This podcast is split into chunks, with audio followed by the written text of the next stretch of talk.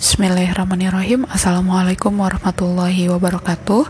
Alhamdulillahirrahmanirrahim Pada kesempatan hari ini Kita masih diberikan kesehatan Kita masih diberikan kesempatan Untuk uh, bisa mengikuti kelas Introduction for Business Management Untuk pertemuan 13 Oke okay.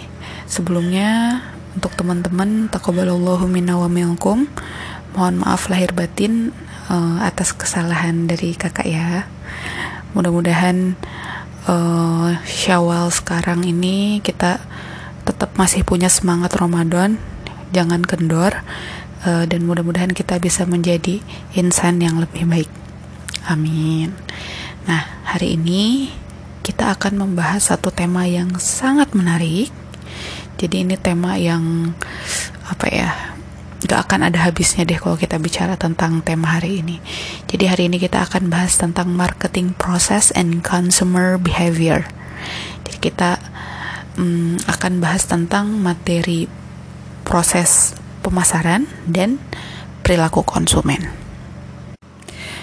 Kalau kita bicara tentang marketing ya atau pemasaran dan perilaku konsumen ini selain menarik banyak banget hal yang bisa kita bahas ya silahkan teman-teman dibuka slide-nya kita mulai dari slide pertama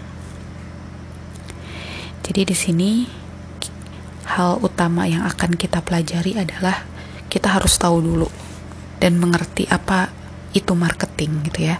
Sebenarnya definisi dari marketing itu banyak. Tapi di sini kakak mengambil sumbernya dari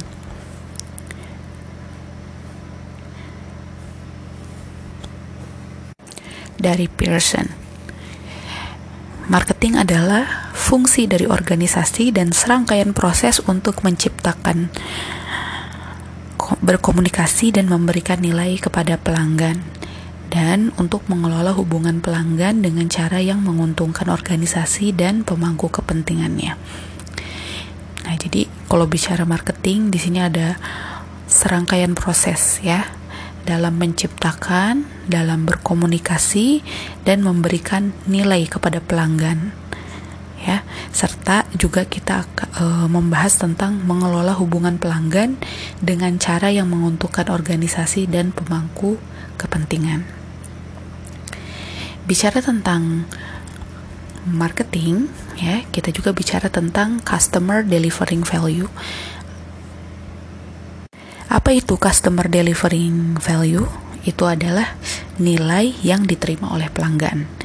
Jadi kalau secara apa ya secara matematis ya walaupun tidak bisa dihitung secara matematif matematis ini kita bisa mendefinisikan sebagai selisih antara total customer benefit dan total customer cost ya.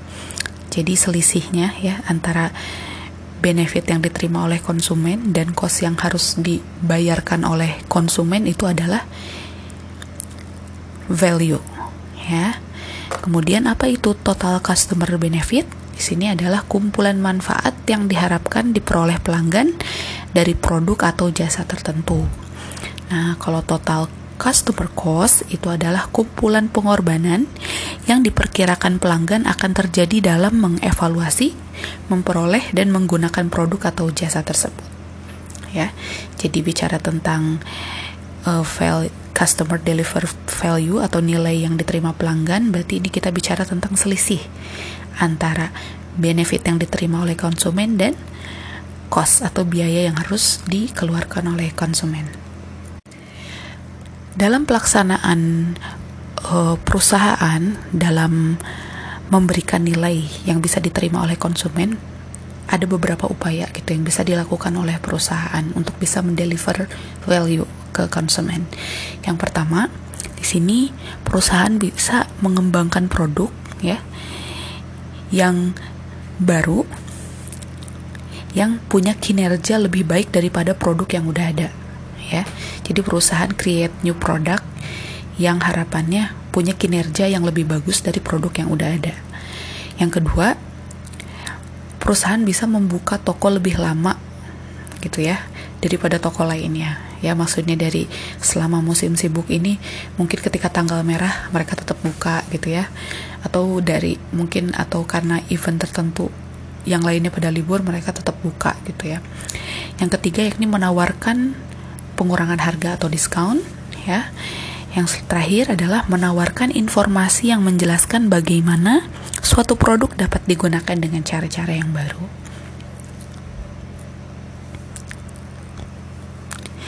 Next, kita bicara tentang value and utility dalam marketing. Sebelumnya kita udah bahas ya tentang uh, utility tapi dalam konteks produk ya. Kalau dalam konteks produk, form, time and place itu bagaimana sebuah produk bisa memberikan kepuasan terhadap konsumen ketika terjadi perubahan bentuk, waktu dan tempat. Nah, kalau ini kita meninjau utilitas ya atau kemampuan sebuah produk bisa memberikan kepuasan terhadap konsumen ya dan memenuhi kebutuhan dan keinginan konsumen based on marketing. Nah, di sini ada beberapa utilitas ya dalam marketing. Yang pertama ada form, time, place and possession. Nah, untuk form sendiri utilitas dalam uh, bentuk ya dalam pemasaran ini pemasaran punya andil pemasaran ini uh, bisa memberikan kepuasan terhadap konsumen jika mereka mampu mendesain produk dengan fitur yang diinginkan oleh pelanggan ya kalau dalam hal marketing nah berbeda dengan uh, apa utilitas dalam produk kalau dalam produk kan bagaimana uh, sebuah produk bisa memberikan kepuasan ketika terjadi perubahan bentuk. Nah, kalau dalam marketing ini uh, utilitas ya, seberapa mampu pemasaran ini mampu mendesain produk sesuai dengan fitur yang diinginkan oleh pelanggan. Nah, kalau time utility dalam hal marketing ini atau utilitas waktu, bagaimana pemasaran ini bisa menciptakan kepuasan kepuasan waktu kepada konsumen dengan menyediakan produk ketika pelanggan menginginkannya. Selanjutnya ada place utility atau utilitas tempat. Di sini bagaimana kemampuan pemasaran bisa menciptakan kepuasan tempat dengan cara bisa menyediakan produk di mana pelanggan ingin menginginkannya atau membutuhkannya. Nah, yang terakhir adalah possession utility atau utilitas kepemilikan. Di sini pemasaran bagaimana kemampuan pemasaran ya bisa menciptakan kepuasan dengan cara mentransfer kepemilikan produk kepada pelanggan dengan menetapkan harga jual, menetapkan ketentuan untuk membayarnya. Contohnya misal cara bayarnya mau kredit atau cash atau jika perlu memberikan dokumen kepemilikan. Contohnya untuk beberapa produk uh, yang mahal ya, produk branded ya. Contohnya tas Chanel gitu ya.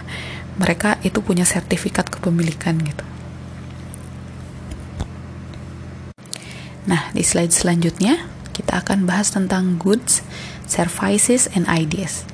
Di sini ada consumer goods, ada industrial goods dan services. Di sini uh, consumer goods ini adalah physical product purchased by consumer for personal use. Jadi kalau consumer goods ini produk yang uh, dibeli oleh konsumen ini tujuannya untuk uh, konsumsi pribadi, untuk pemakaian pribadi. Kalau industrial goods ini adalah physical product purchased by company to produce other product. Jadi pembelian ya yang dilakukan oleh sebuah perusahaan ya terhadap produk tertentu biasanya digunakan untuk menghasilkan produk lain. Dan terakhir ada service. Di sini adalah produk having non-physical feature such as information, expertise or activity that can be purchased. Atau kita juga bisa mendefinisikan ini sebagai produk yang tidak memiliki fisik ya.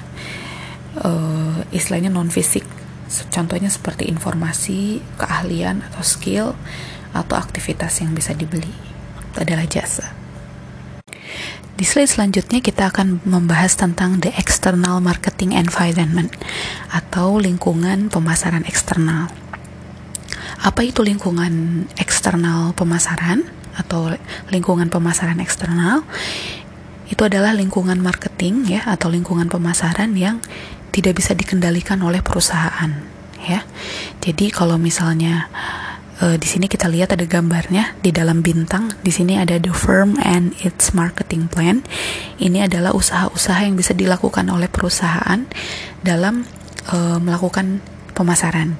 Mereka bisa plans, merencanakan, mereka juga bisa membangun strategi, dan mereka juga bisa mengambil keputusan. Tetapi hal itu itu semua ya yang yang ada di dalam kolom eh, gambar bintang ini tidak bisa menjamin kesuksesan mereka dalam memasarkan produk ya karena itu adalah faktor internal dari perusahaan. Di sini ada faktor eksternal yang bisa mempengaruhi sukses tidaknya pemasaran produk ketika dilakukan. Di sini ada competitive environment, ada political legal environment, ada socio-cultural, ada technological environment dan economic environment. Nah, uh, itu faktor-faktor eksternal yang akan mempengaruhi marketing environment. Adapun untuk competitive environment ini terbagi menjadi tiga ya uh, atau lingkungan kompetisi. Yang pertama ada substitute product, yang kedua ada brand competition dan international competition. Apa itu substitusi produk ya? Jadi kalau kata substitusi kita udah tahu ya itu definisinya adalah pengganti.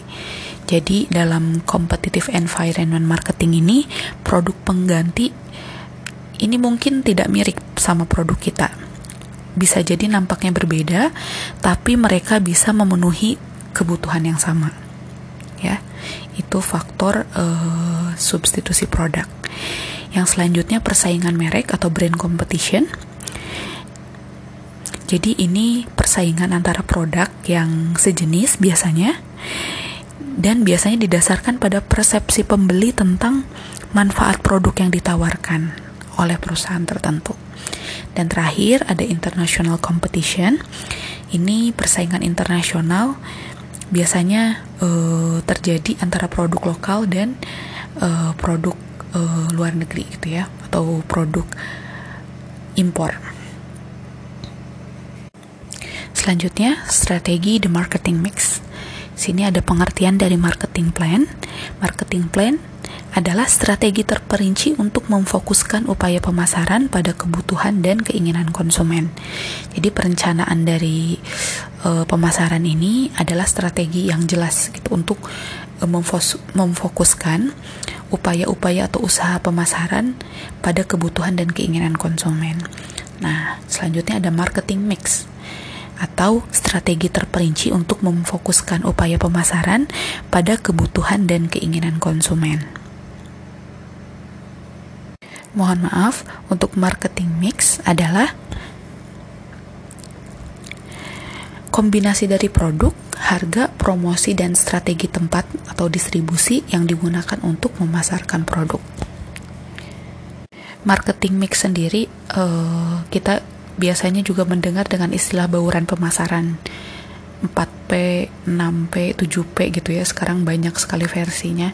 Tapi untuk yang marketing mix uh, dalam materi ini, ini kombinasi dari 4P, product, pricing, promotion, and place. Selanjutnya, strategi the marketing mix.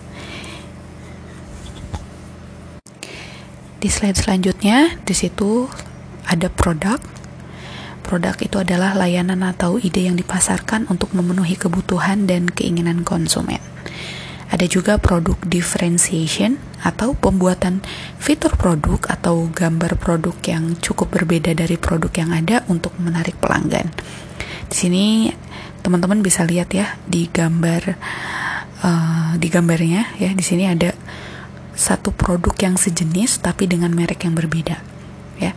Sebenarnya produk-produk ini lahir dari satu perusahaan yang sama yakni PT Indofood tapi mereka menggunakan strategi diferensiasi produk atau produk differentiation dengan tujuan untuk memperluas pangsa pasar mereka ya jadi mereka membuat berbagai jenis produk mie ya untuk uh, apa bisa mengambil banyak pasar contohnya di sini ada Indomie ya ada Super Mie pop mie, pop bihun, sari mie dan sakura dan lain sebagainya.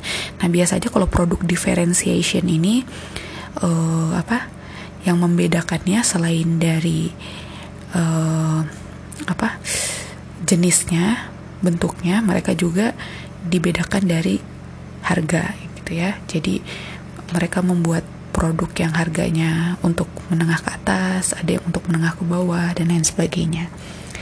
Tentunya tujuannya yakni untuk memperluas pangsa pasar dan mendapatkan seluruh level pangsa pasar. Nah, di slide selanjutnya ada pricing, place, and promotion. Jadi kan tadi kita akan membahas tentang 4P ya. P pertama produk tadi sudah dibahas ya. Yang kedua adalah pricing. Di sini adalah proses menentukan harga yang paling tepat untuk menjual sebuah produk ya. Jadi dalam menentukan harga juga ini bagian dari strategi marketing. Selanjutnya ada place atau distribution. Ini adalah part of the marketing mix concern with getting product from producer to consumer. Jadi ini adalah bagian dari bauran pemasaran ya yang fokus untuk uh, apa uh, merencanakan bagaimana produk bisa sampai ke konsumen Selanjutnya yang terakhir adalah promotion. Ini adalah aspek dari marketing mix atau bauran pemasaran juga yang concern ya atau fokus uh, untuk menghasilkan atau memikirkan cara yang paling efektif, teknik yang paling efektif dalam mengkomunikasikan informasi tentang produk yang dihasilkan oleh perusahaan. Selanjutnya ada target marketing and market segmentation.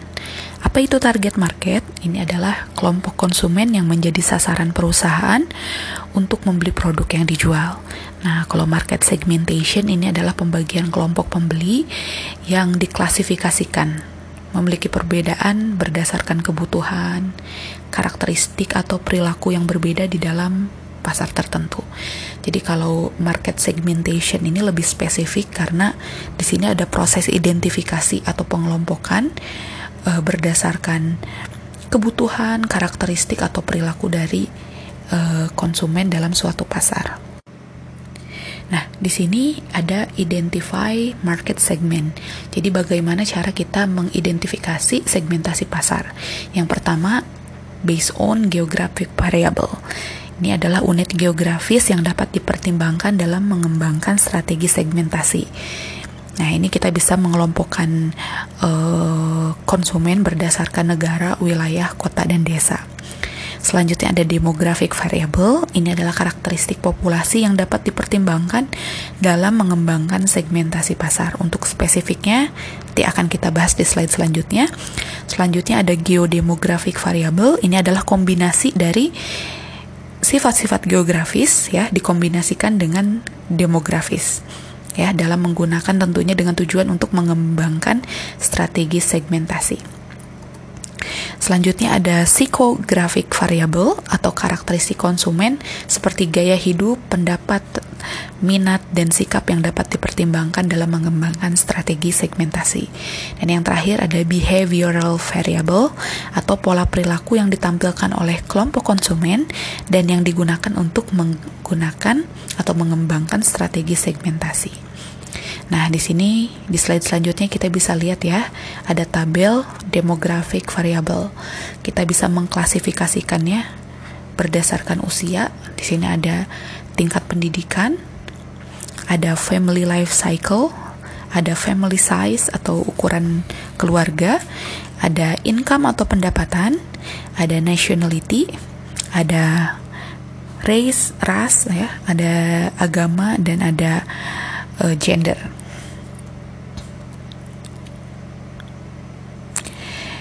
Nah, itu tadi kita membahas tentang bagaimana mengidentifikasi uh, segmentasi pasar.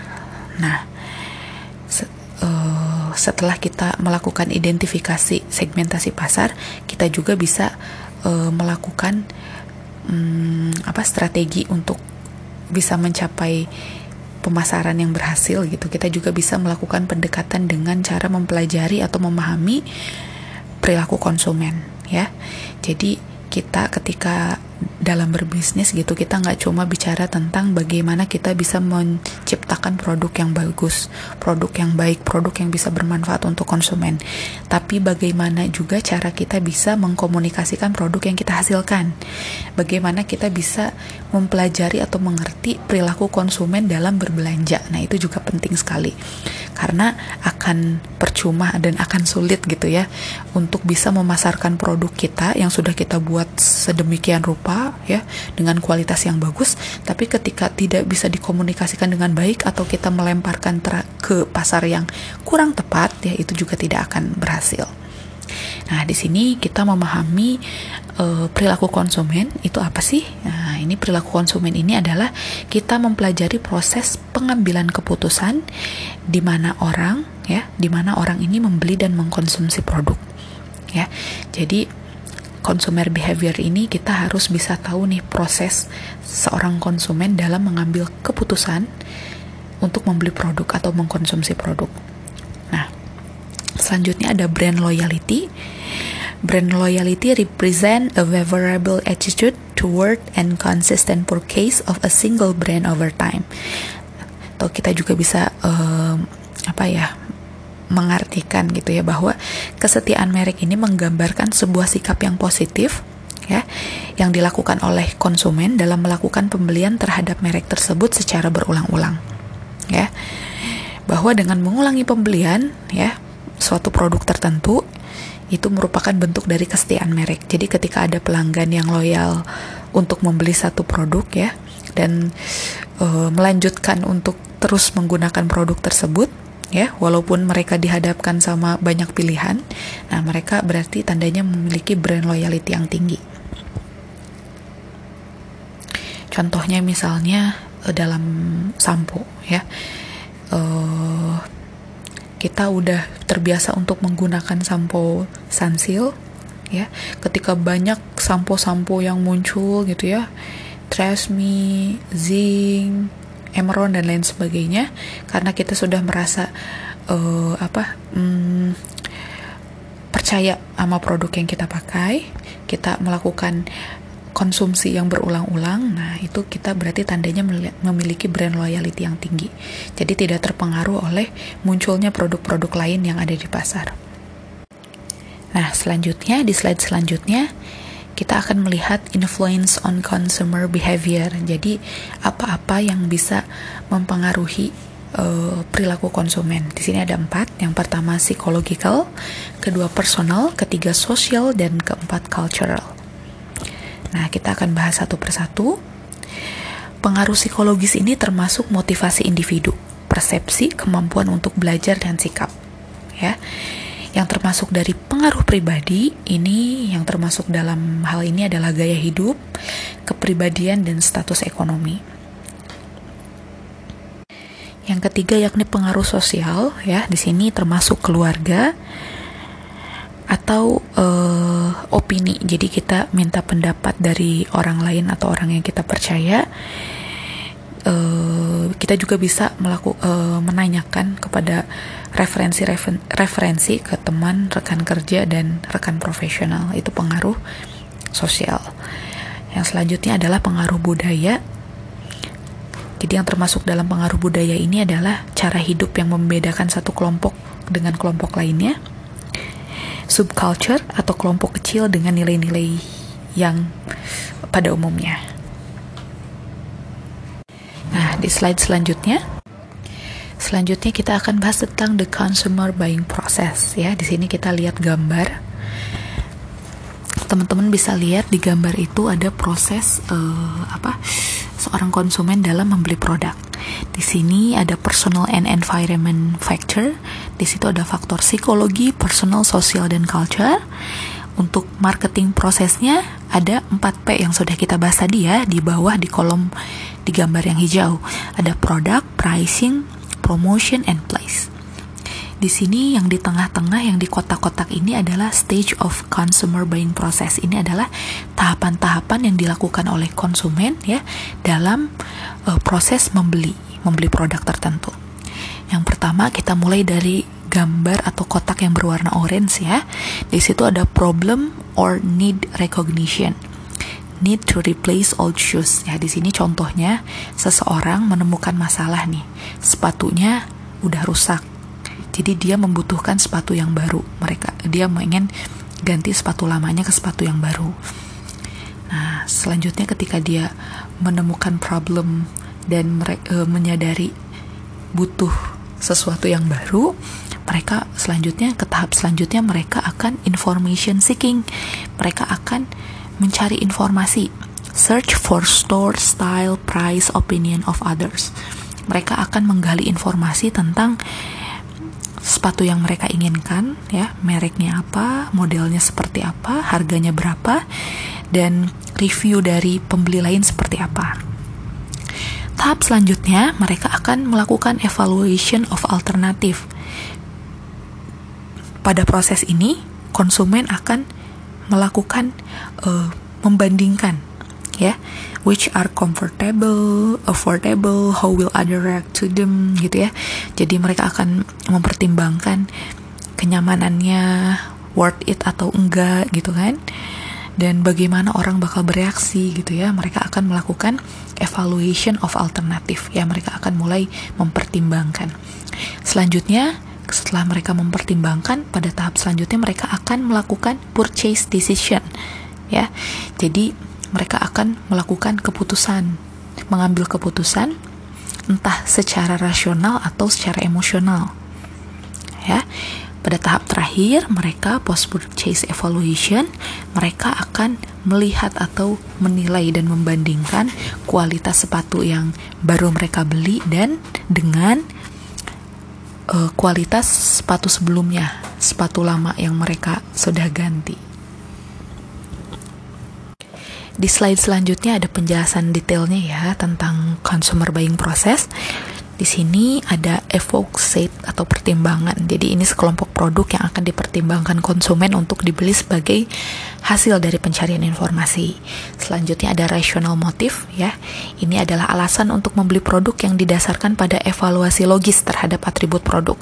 Nah, kalau motif rasional ini biasanya uh, apa? Hmm, seorang konsumen ini akan melakukan penilaian ya secara objektif ya. Jadi berdasarkan harga yang sangat objektif, kebutuhan yang dia butuhkan gitu ya. Pokoknya ini rasional dan objektif sesuai dengan yang dibutuhkan. Nah, kalau emotional motif, ini alasan untuk membeli produk yang didasarkan pada faktor non objektif. Misalnya emosional tuh sepatu yang lagi tren saat ini tuh sepatu Adidas edisi terbaru misalnya gitu ya.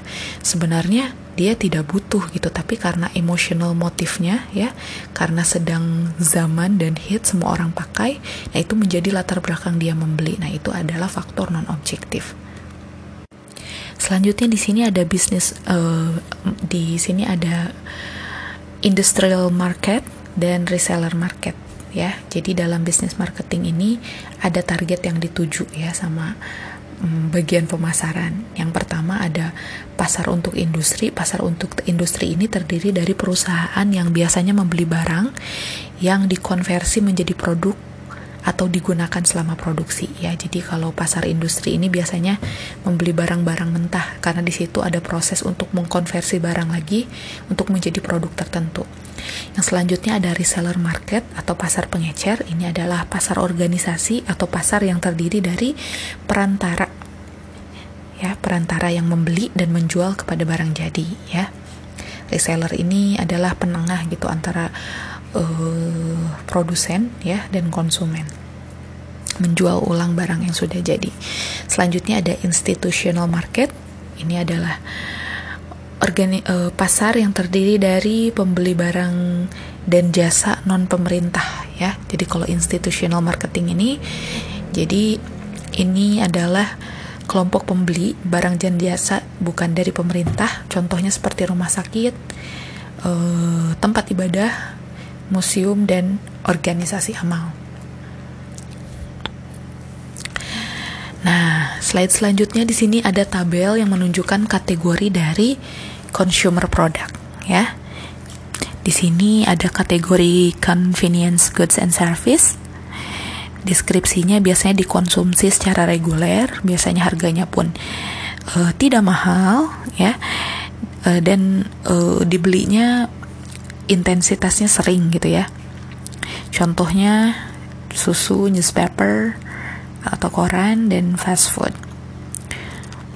Nah, di sini teman-teman bisa lihat ya ada kategori dari shopping goods and service, beli barang dan jasa. Jadi ini ada sifatnya ini rata-rata pembeliannya eh, nggak uh, terlalu sering dan harganya biasanya lebih mahal. Terus biasanya konsumen ini membandingkan produknya berdasarkan style, performanya kayak gimana, warna, harga, dan kriteria lainnya. Contohnya televisi, terus produk asuransi mobil. Dan yang terakhir ada specially goods and service. Nah ini biasanya dibelinya tidak tentu ya, infrequently, jarang gitu ya. Selanjutnya harganya biasanya mahal dan biasanya konsumen memutuskan ini oh yang masuk dalam kategori barang ini tuh biasanya barang-barang yang mewah. Jadi memang faktor yang apa sih faktor yang melatar belakangi dalam pembelian barang ini tuh mencari barang yang bagus dan sempurna. Contohnya gaun pernikahan, terus uh, perhiasan dan lain sebagainya. Selanjutnya di sini juga ada tabel dari organizational product ada kategorinya ada production item, expense item dan capital item. Deskripsinya di sana ada untuk yang production item ini adalah barang dan jasa yang secara langsung biasanya digunakan dalam proses produksi. Contohnya loads of tea process into tea bags. Jadi proses uh, mengkonversi teh yang asalnya teh biasa menjadi ada kemasan. Nah itu. Selanjutnya expense item. Teman-teman bisa baca di sana. Goods or service are consumed within a year by firm produce other goods and supply other services contohnya oil and electricity for machine building maintenance and legal service. Capital item di sini permanen sifatnya biasanya mahal dan long lasting. Terus life expectancy-nya atau apa sih masa umurnya ini more than a year lebih dari satu tahun. Terus dibelinya rata-rata tidak begitu sering ya contohnya buildings fixed equipment dan accessory equipment selanjutnya kita akan bahas tentang product life cycle atau siklus dari produk ya. Jadi produk juga punya siklus hidupnya ya. Nah, tahapannya yang pertama dari pertama mereka muncul atau introduction. Nah, pada tahap ini uh, Kakak langsung kasih ilustrasi aja ya. Misalnya produk handphone uh, Oppo misalnya. Oppo ketika muncul pada tahap ini mereka masuk ke pasar, mereka akan fokus untuk membuat uh, pelanggan ya yang punya potensi untuk membeli untuk bisa memilih produk mereka ya biasanya di awal mereka apa mereka memperkenalkan produknya ya di sini mereka kita lihat ya kurvanya mereka masih ada di level minus ya di level minus di sini merah tapi terus merangkak ke atas karena apa pada tahap ini perusahaan akan jor-joran gitu berkorban banyak karena di awal mereka akan melakukan promosi, mereka akan melakukan riset terhadap produk yang dihasilkan, mereka akan melakukan uh, soft launching terhadap produknya gitu. Makanya di awal mereka masih minus. Tapi seiring berjalannya waktu, mereka terus meningkat. Di level introduction ini memang perusahaan akan berkorban banyak gitu, tapi dengan tahapan untuk uh, mencapai uh, apa proses yang lebih baik gitu ya. Nah, ketika produk sudah menghadapi fase introduction ya, ketika mereka memperkenalkan, mereka uh, kerahkan seluruh sumber daya yang mereka miliki untuk memproduksi, untuk promosi, untuk riset, untuk soft launching dan sebagainya, mereka akan tumbuh sedikit demi sedikit. Ya. Nah, jika produk itu menarik, nah biasanya mereka akan terus meningkat penjualannya. Nah, Oppo sendiri ini contohnya nih, misal Oppo bisa punya hat, punya punya tempat gitu di hati konsumen gitu. Makanya penjualannya terus meningkat. Ya. Selanjutnya ketika penjualan terus meningkat, para pemasar juga tetap uh, apa menjalankan uh, aktivitasnya untuk melakukan promosi tujuannya untuk penjualan terus meningkat gitu. Nah, dalam tahap ini biasanya harga dari produk itu diturunkan tujuannya masih untuk mendapatkan konsumen yang sebanyak-banyaknya. Di tahap selanjutnya, mereka masuk ke dalam tahap maturity ya. Dalam tahap ini biasanya penjualan mulai melambat ya. Meskipun uh, produk menghasilkan tingkat laba di tingkat yang paling tinggi, laba tertinggi pada tahap ini. Kalian bisa lihat kurvanya itu yang paling tinggi ya yang paling atas ya itu mereka ada di tahap bahwa penjualan mereka tinggi ya walaupun mengalami pelambatan gitu ya karena apa biasanya dalam tahap ini biasanya muncul persaingan-persaingan uh, dari perusahaan lain gitu yang menghasilkan produk. Contohnya misal Oppo ketika pertama berdiri mungkin belum ada saingannya. Tiba-tiba di tahap mereka sudah di laba tertinggi muncul saingan baru Vivo, Livo dan lain sebagainya gitu ya. Makanya dari situ mereka akan uh, apa?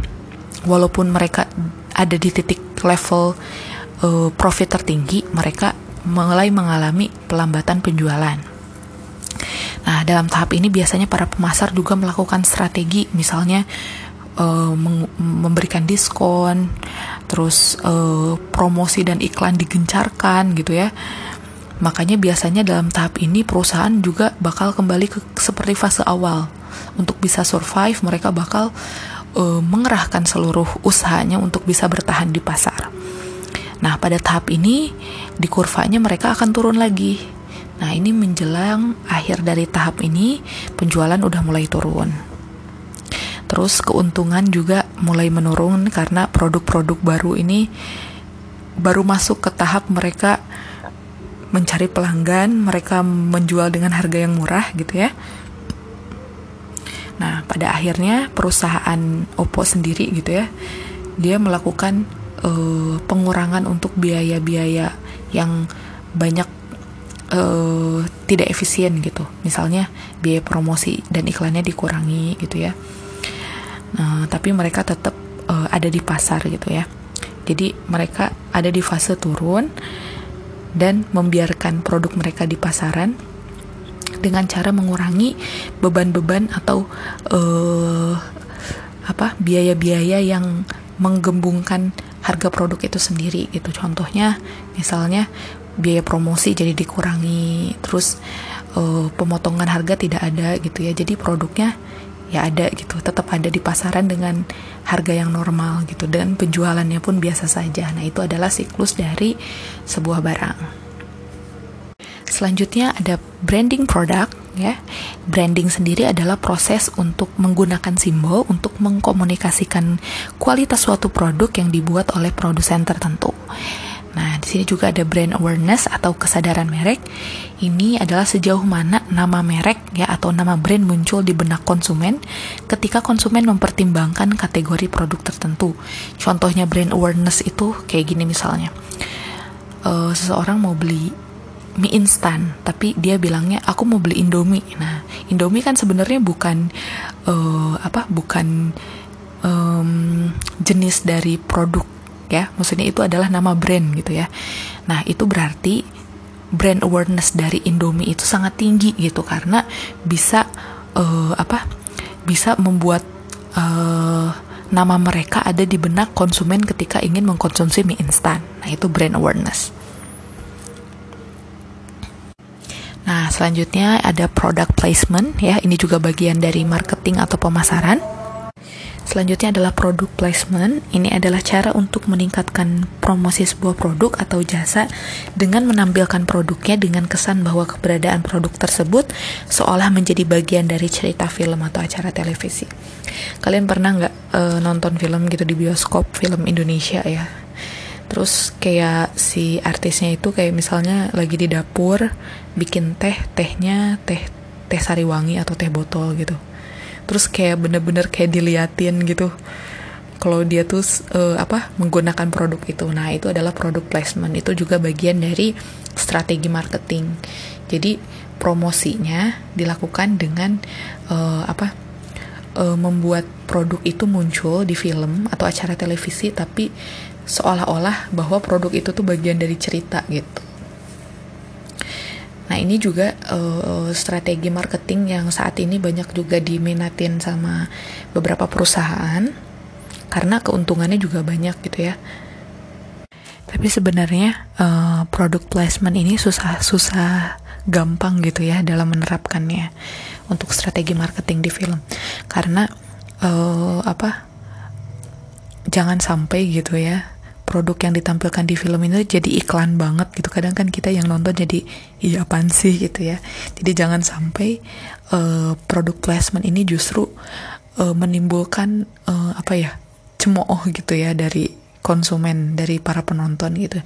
Jadi memang yang harus dibuat sesmooth mungkin wajar dan gak nampak iklan banget gitu ya untuk supaya bisa efektif sampai ke konsumen Nah, selanjutnya ada corporate blogs. Ini adalah komentar dan pendapat yang dipublikasikan di web oleh atau uh, untuk organisasi dalam mempromosikan kegiatan.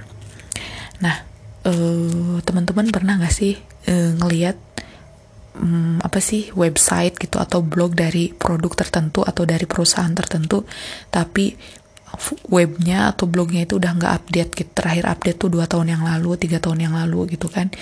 Nah padahal uh, investasi di uh, apa di website di blog itu tuh sangat penting gitu ya. Apalagi di zaman teknologi sekarang. Tem uh, konsumen bisa browsing konsumen punya kesempatan yang luas untuk mencari informasi secara penuh.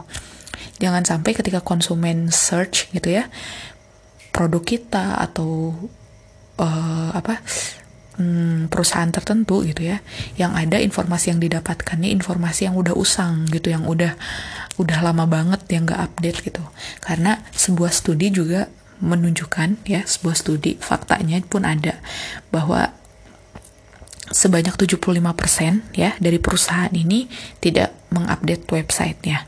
Terus studi lain juga e, menyebutkan bahwa sebesar 57% perusahaan yang punya website atau blog ini berhasil untuk meraih klien atau konsumen baru. Dan sebanyak 61% konsumen online melakukan transaksi berdasarkan rekomendasi dari postingan website atau blog gitu ya. Jadi jangan sampai potensi-potensi pasar yang ada gitu ya hilang gitu karena uh, kita tidak um, mengupdate informasi gitu ya untuk website kita atau blog kita. Selanjutnya, cara branding produk ini ada brand extension.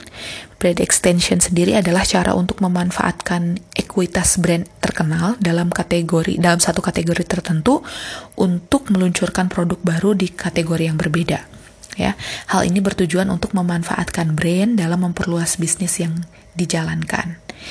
Ya, nah biasanya kalau brand extension ini hanya bisa dilakukan oleh perusahaan atau nama brand yang sudah terkenal ya. Karena apa? Mereka punya tujuan untuk create produk lain ya, tapi dengan merek yang sama. Karena apa? Mereka ketika membuat produk lain dengan merek yang sama, mereka tidak perlu promosi jor-joran lagi gitu karena mereka udah punya nama gitu di pasaran. Contohnya apa? Contohnya adalah Lifebuoy. Kita tahu Lifebuoy itu pertama kali meluncurkan produk adalah produk sabun ya. Ketika mereka sudah uh, settle di pasar mereka sudah uh, apa udah punya tempat gitu ya di konsumen gitu ya. Terus mereka melakukan brand extension ya. Mereka menghasilkan produk lain contohnya sampo tapi dengan merek yang sama Lifebuoy gitu tapi dengan kategori yang berbeda. Nah, itu merupakan strategi marketing ya. Tentunya bisa membuat efisien biaya marketing gitu karena kita hanya perlu mengenalkan produk dengan hanya kategorinya saja yang berbeda tapi mereknya sama gitu dan tentunya mereknya memang harus merek yang sudah settle, sudah terkenal di pasaran.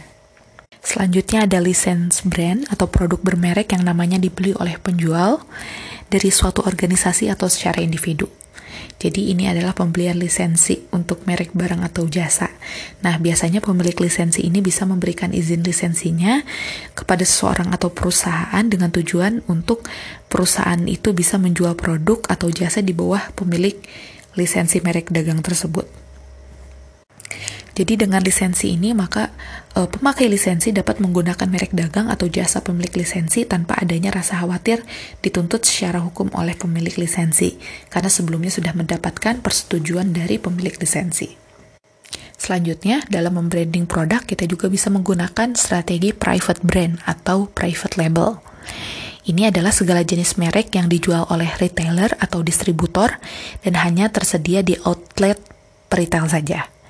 Jadi private branding ini merujuk pada deskripsi terhadap jenis produk yang disediakan oleh para pemasok kepada industri pengecer atau retail yang menyandang nama merek gerai pengecer masing-masing.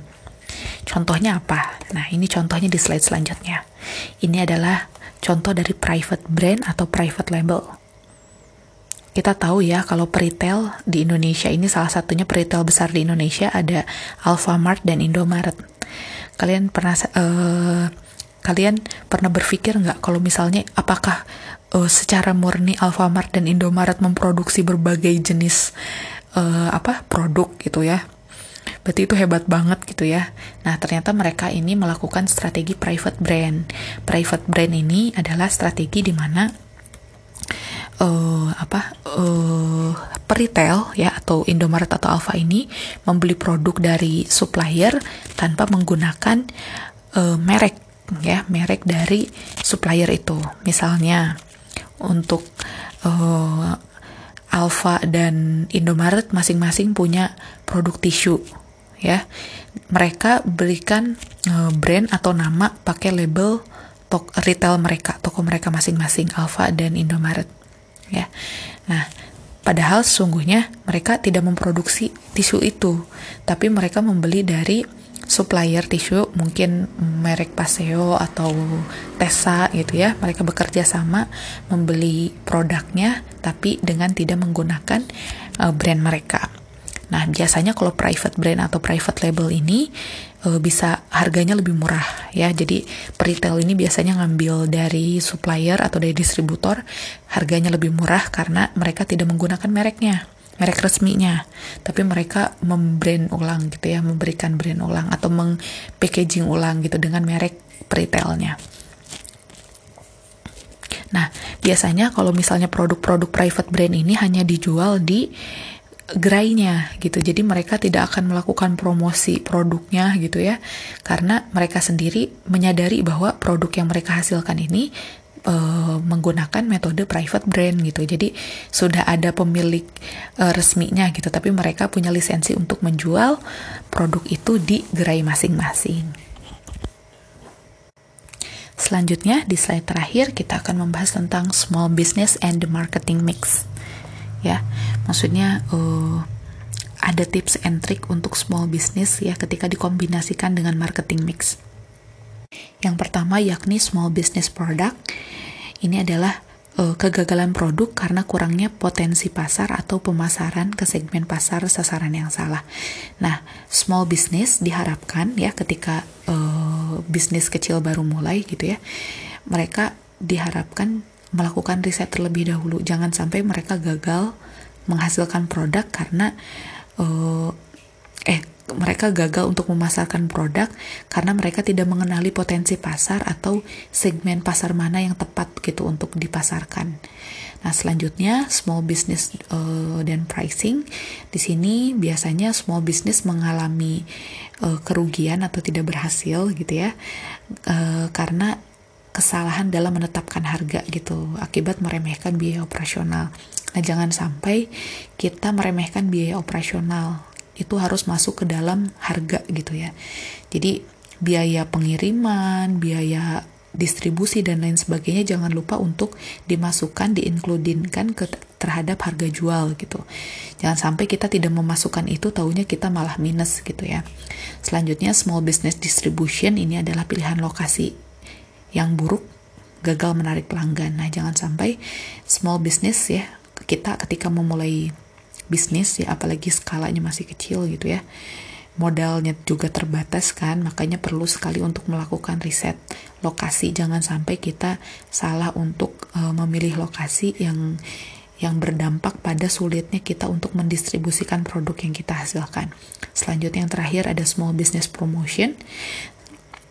Dalam hal ini small business ya, walaupun bermodal kecil bisa gitu untuk tetap melakukan promosi yang efektif dengan cara uh, menggun uh, apa melakukan strategi promosi yang cermat. Ya jadi nggak perlu biaya banyak tapi tetap bisa melakukan promosi. Contohnya uh, kalau dulu ada uh, apa sih uh, kalau bahasanya di Instagram tuh keroyokan. Kalian pernah dengar gak istilah itu? Pay for apa ya istilahnya? Ya mungkin uh, kakak lupa istilahnya. Pokoknya antar satu pedagang dan pedagang lain itu saling mempromosikan uh, tokonya atau dagangannya ke followersnya masing-masing gitu. Jadi sebenarnya promosi ini bisa dilakukan dengan cara yang cermat tanpa uh, biaya yang besar gitu untuk small business. Sekian uh, materi untuk pertemuan 13 kali ini. Uh, silahkan di di di apa di review lagi, dicerna lagi. Kalau ada yang ingin ditanyakan, mari kita diskusikan sama-sama. Mohon maaf atas segala kekurangan. Mudah-mudahan yang dipelajari hari ini bisa memberikan manfaat untuk teman-teman dan bisa diaplikasikan gitu ketika teman-teman hendak melakukan bisnis. Mari kita tutup dengan hamdalah alhamdulillahirabbil dan doa kafaratul majlis subhanakallahumma wa bihamdika asyhadu an la ilaha illa anta astaghfiruka wa atubu Assalamualaikum warahmatullahi wabarakatuh.